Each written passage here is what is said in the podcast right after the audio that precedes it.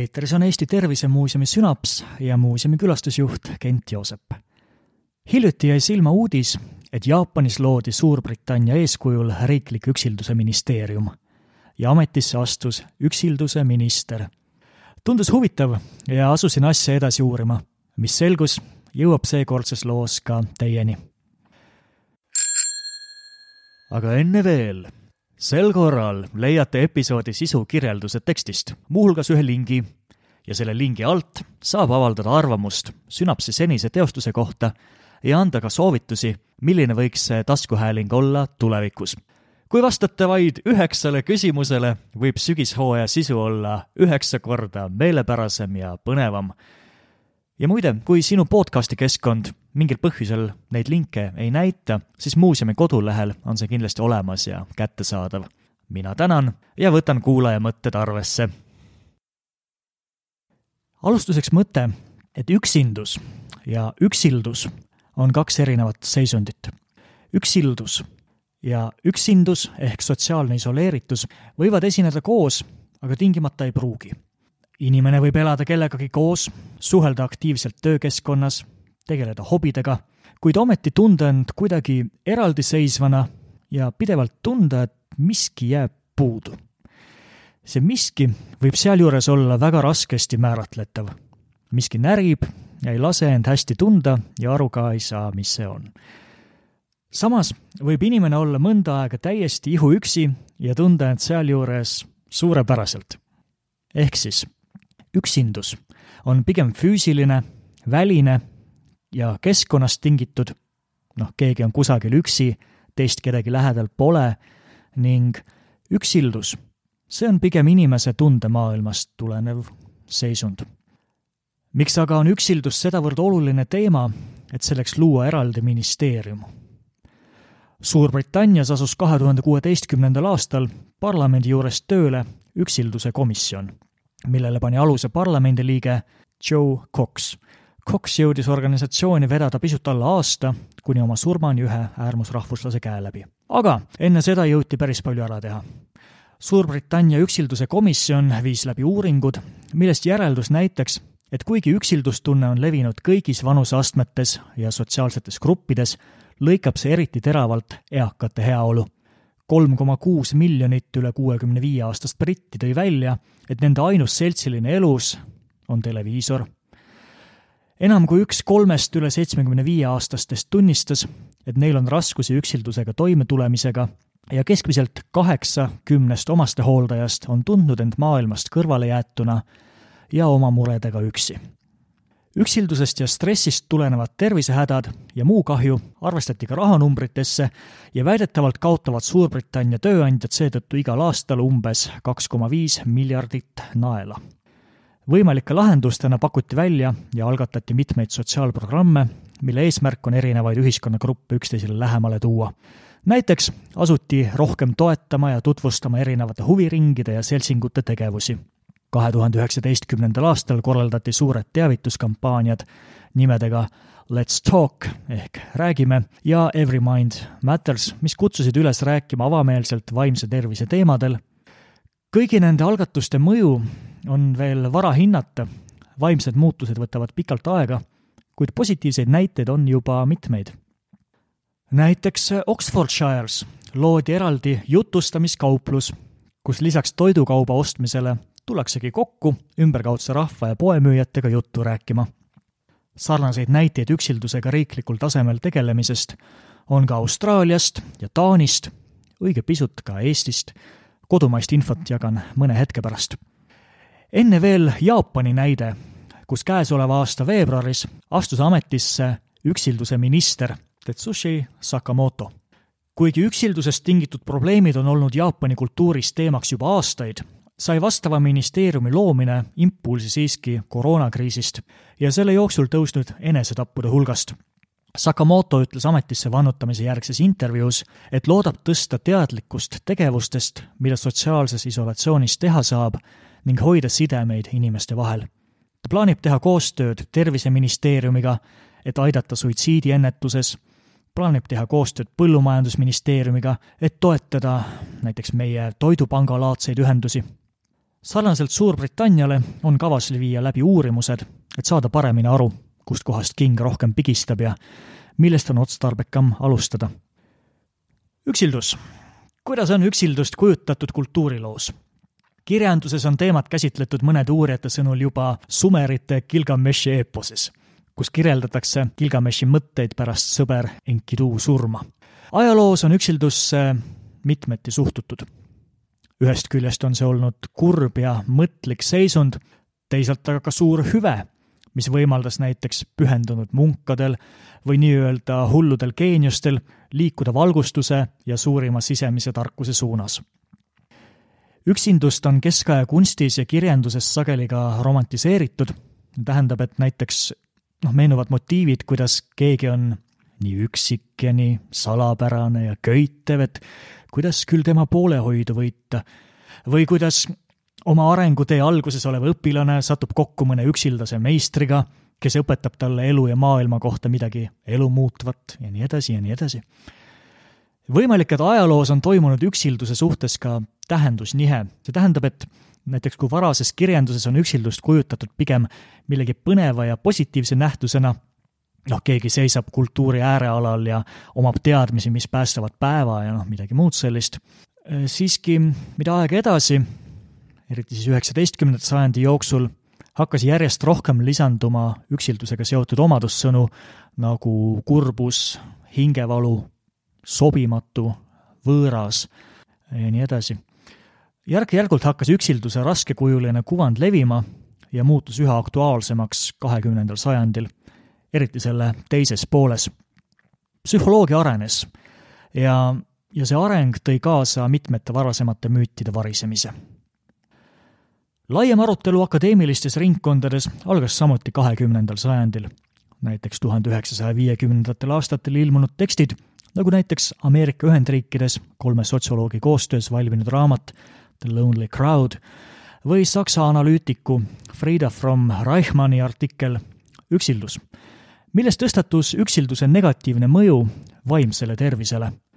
Need on muidugi ainult mõned näited paljudest üksildust käsitlevatest tekstidest, mis hiljem aastakümnete jooksul on ilmunud.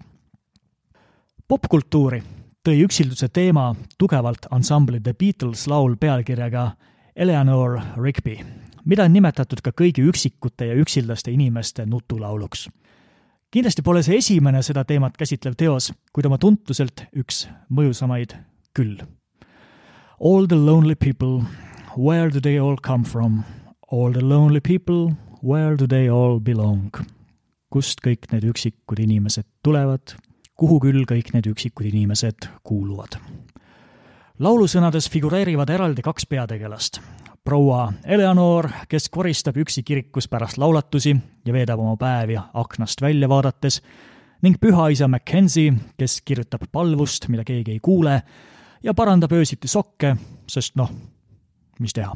kaks üksildast inimest kohtuvad sümboolselt alles Eleanori matusel, kuhu keegi ei tule.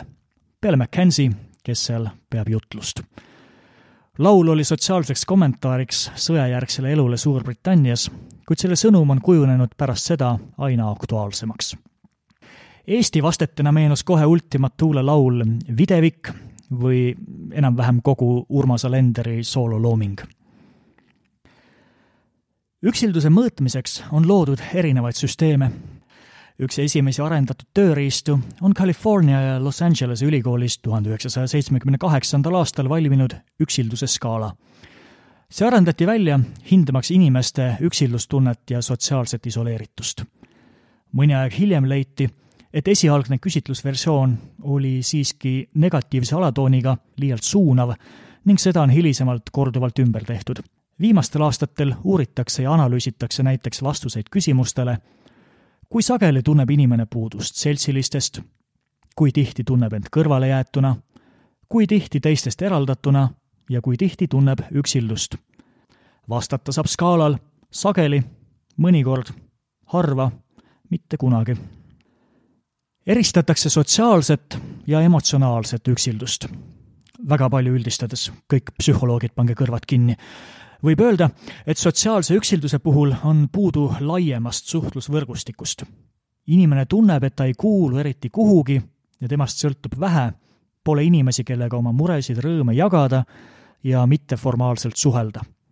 emotsionaalne üksildus on seisund, kus inimene tunneb puudust sügavatest ja tähenduslikest lähisuhetest, olgu need siis romantilised või, või ka peresuhted. Viimase aasta jooksul on toodud veel eraldi välja isolatsioonist tingitud nii-öelda Covidi üksildus. kõik see teadmatus tuleviku ees, mure enda ja lähedaste pärast ning ühiskondlikud piirangud võivad olla paljudele äärmiselt raske taluda.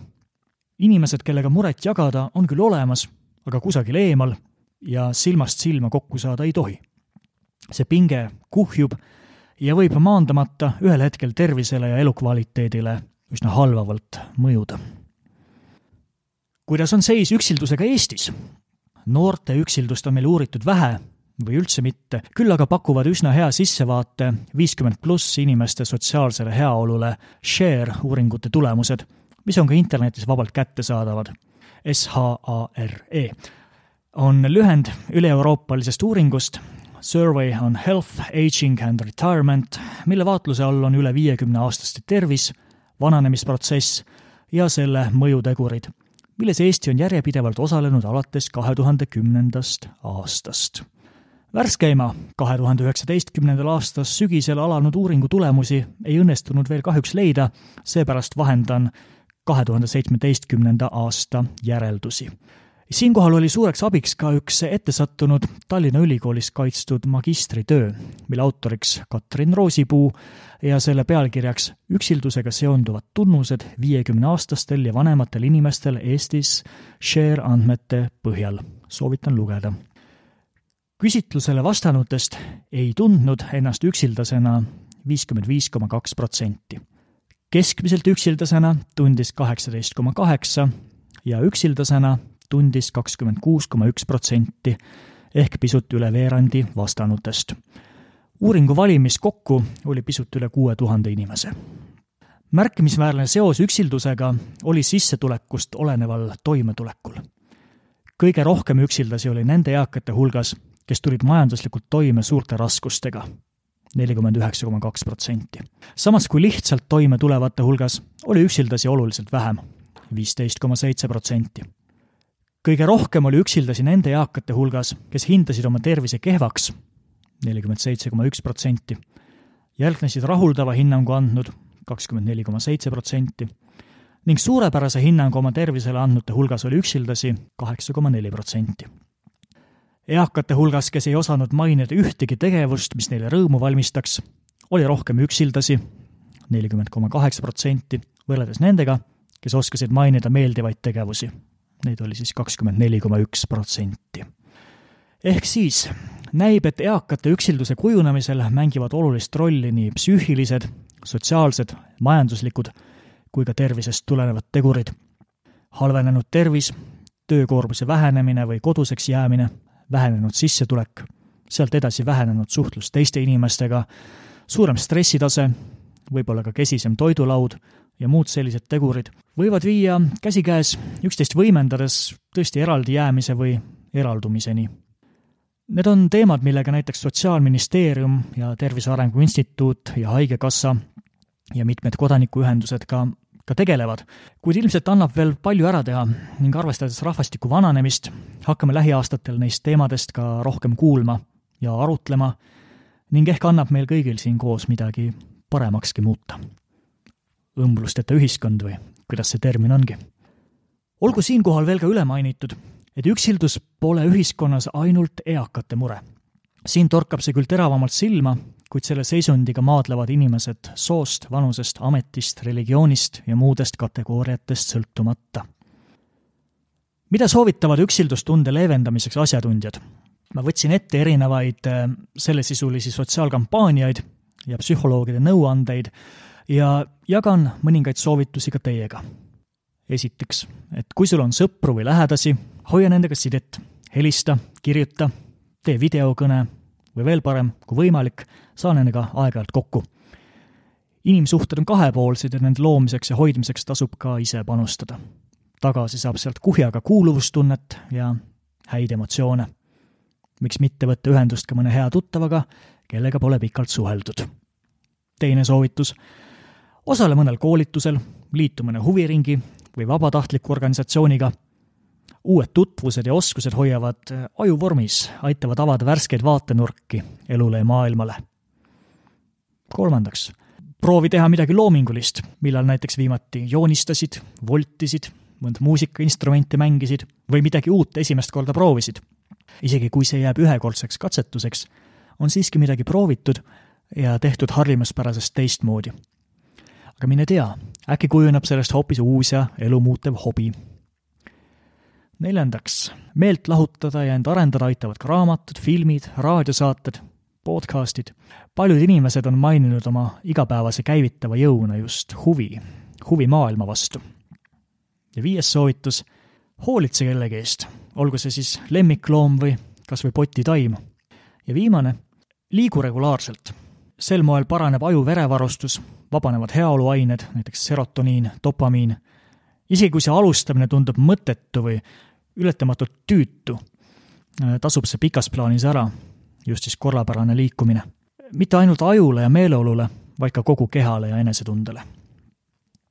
Need olid siis mõned soovitused, mis mulle siit silma jäid, neid muidugi on, on veel. ja kui meeleolu on ikkagi püsivalt must ja valgust mitte kusagilt ei paista, siis palu julgelt tuge ka perearstilt ja, või psühholoogilt. vaimse tervise mured pole enam ammu häbiasi. head nõu võid leida ka peaasi.ee leheküljelt.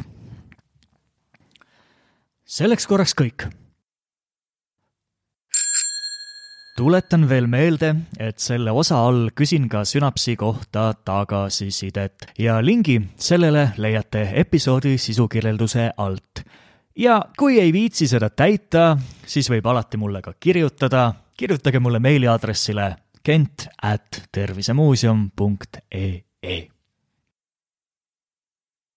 kui tunned vaimse tervise ja heaolu vastu suuremat huvi, soovitan külastada ka Tervisemuuseumi värsket teemanäitust nimega palju õnne, mis just neid teemasid käsitleb. Synapsit kuuled, nagu ikka, Simplecastis, Spotify's, Google ja Apple podcasti keskkondades. lisainfot meie tegemistest leiad Facebookist, Instagramist, Youtube'ist ja ka muuseumi kodulehelt. ja veel parem, tule muuseumisse. Kuulmiseni ja kohtumiseni Tervisemuuseumis